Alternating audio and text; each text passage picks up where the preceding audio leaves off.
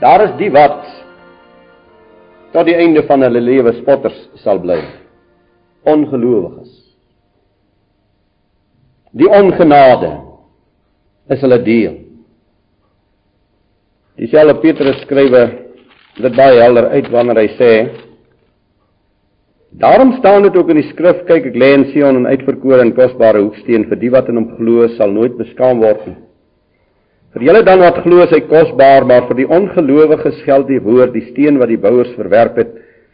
Dit het 'n hoeksteen geword en 'n steen van aanstoot en 'n rot van struikeling vir die wat al daarin stamp, omdat hulle aan die woord ongehoorsaam is waarvoor hulle ook bestem is. Die ongenade. Geliefdes, As u en ek na ons koning en Vader kyk, dan sien ons elke keer genade, ondeurgrondelike, onbegrypbare genade. Maar dit teken die Bybel ook vir ons die ongenade. Daar hang twee skuldiges saam met Yeshua. Die een staan voluit in hierdie ongenade. Hy spot tot die eind. Spot hy met die lewe. En daar is vir die wat dit uitloop op genade. In volle mate hierdie verworpene hierdie veroordeelde vind op die heuwel van Golgotha in die doodsnikke van sy lewensbestaan vind hy die volheid van die God vergifnis. Hy vind dit net so vol. Soos die een wat sy hele lewe lank Bybel gelees het en gebid het ondeurgrondelik onnaspeurlik is sy weë.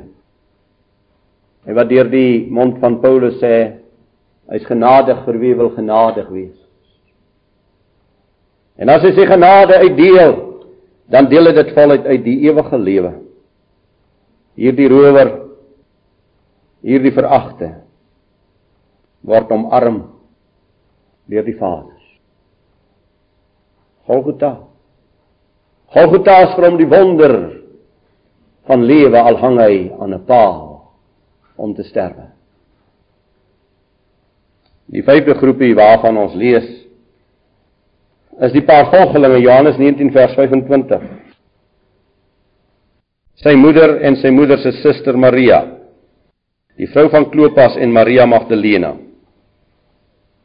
En by die kruis van Yeshua het gestaan uit al die honderde wat geluister het na hom. Uit die 12 disipelkring dan staan daar 'n paar vroue en 'n enkele apostel. Groot is hulle hartseer. Wat het hy tog verkeerd gedoen? Dit wat hulle van hom ken en weet is slegs die goeie en die mooie. Is die liefde en die skoonheid. Waarom hierdie wrede dood? Verslae, magteloos, wenend. Is die lewe dan so onregverdig? Tussen die spotters en die honers staan hier die klein getal. Die omstandighede is vir hulle onbegryplik, onverstaanbaar, maar as daar. Alles daar. Toe ek 'n jong man was, die jaken in 'n gemeente in die Boland, het die predikant en die kerkraad een aand besluit dat al die kindertjies van voorskool tot by standaard 3 word uitgehaal uit die erediens van die oggend.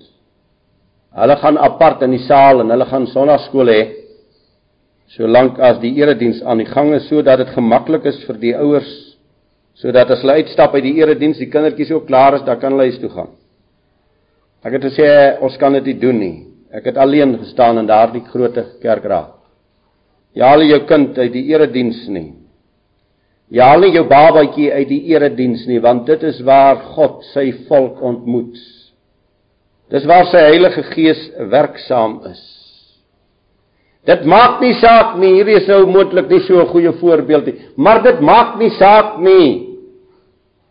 Hulle moet op Golgotha kom hierdie klein groep in die onbegrypbare omstandighede, hulle het nie verstaan nie, maar hulle was daar.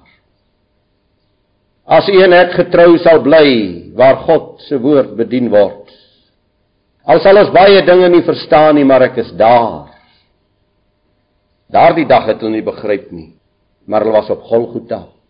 En omdat hulle met hulle harte, met hulle wesens op Golgotha was, knielend, wenend by die voete van hom wat hang, het hulle die volle lyn van genade ontmoet. Die volle lyn. Watter juiging en watter jubeling was daar in hulle harte toe hulle hier by die opgestane heiland weer kan staan. Dit was hulle vreugde. Hulle beweging oor die heuwel van Golgotha het vir hulle die volle lewe gebring. Daar is nog iemand sommer so terloops. Matteus 27 vers 32. En toe hulle uitgaan, kry hulle 'n man van Sirene met die naam van Simon. Hom het hulle gedwing om sy kruis te dra. Hy het die vervloekte se kruis moes dra. Hy was daartoe gedwing deur die soldate. Hy het geen keuse gehad nie. Vir hom was dit op daardie oomblik vernedering. Verskriklike vernedering want vervloek is hy wat 'n paal dra en 'n paal hang, so sê die skrif. En hy moes hom dra tot by die kruisigingsplek. Daar het hy hierdie ruwe stomp van sy skouer laat val by die offerplek. Die gedwingde kruisdraer As jy mooi gaan lees in die Bybel, dan sal jy lees hy was die vader van Rufus en Alexander. Dan lees ons dat hierdie pa wat gedwing was om eens die kruis te dra tot by die heuwel dat sy seuns saam met Paulus die Vader dien. Sou hierdie gedwingde daar weggestap het met die lewe. Geliefdes, dit moes so wees. Dat hy kon terugstap na sy huis en dat sy seuns die pad van die Vader loop nie net hy nie, maar ook sy kinders. Die gedwingde kruisdraer op die heuwel van Golgotha. Hoeveel van ons is moontlik gedwingdes op die pad? By geleentheid sê Yeshua: Dwing hulle dwing hulle om in te kom. Die laaste groep by Golgotha was die soldate. Hulle wat die bevel moes gehoorsaam wat die kruisiging moes doen. Hulle wat hierdie werk moes verrig vir die mag van die tyd. Hulle voordeel was om sy klere te verdeel en oor sy ampskleed die lot te werp. Die soldaat hart en gevoelloos Geliefdes, ek weet nie onder watter groep u uself indeel vanmôre op die heuwel van Golgotha nie. Die hamer in die hand om die spykers deur die hande en die voete te slaan. Hier is die hamer. Ek verbleek, verstil staan, verbuisterd. Ek is tog nie daarvoor hier nie. Ek is ook maar slegs toeskouer op Golgotha. Maar daar doen elkeen mee. Daar's die een wat op Golgotha verbystap sonder 'n handeling. Ek wil maar alleen toeskouer bly. Na die hamer het ek nog nie my hand uitgesteek nie. Nog altyd was dit goed om in die skrif te lees. Die werk is deur die soldate gedoen. Hulle het hom gekruisig. O Yeshua, gee my genade om voor U te wees wat ek is. Gee gee my genade om te erken ek het die hamer geneem. Dis ek wat u vasgenaal het. Dis ek wat die spykers deur u voete en u hande geslaan het weer en weer. Ja, ek. Ek kos om die slaag, die smarte en die hoon. Ja, ek kos om die smarte en die hoon. Ek was die soldaat. O God, wees my sondaar genadig. Vader Jawe, baie dankie Baie dankie dat ek kan vra. Hierdie reddende genade tou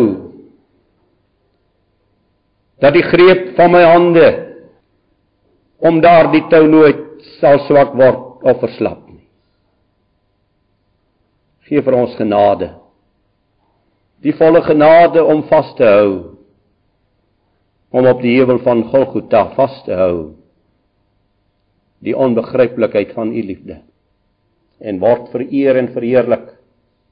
Laat u naam geheilig word. Amen.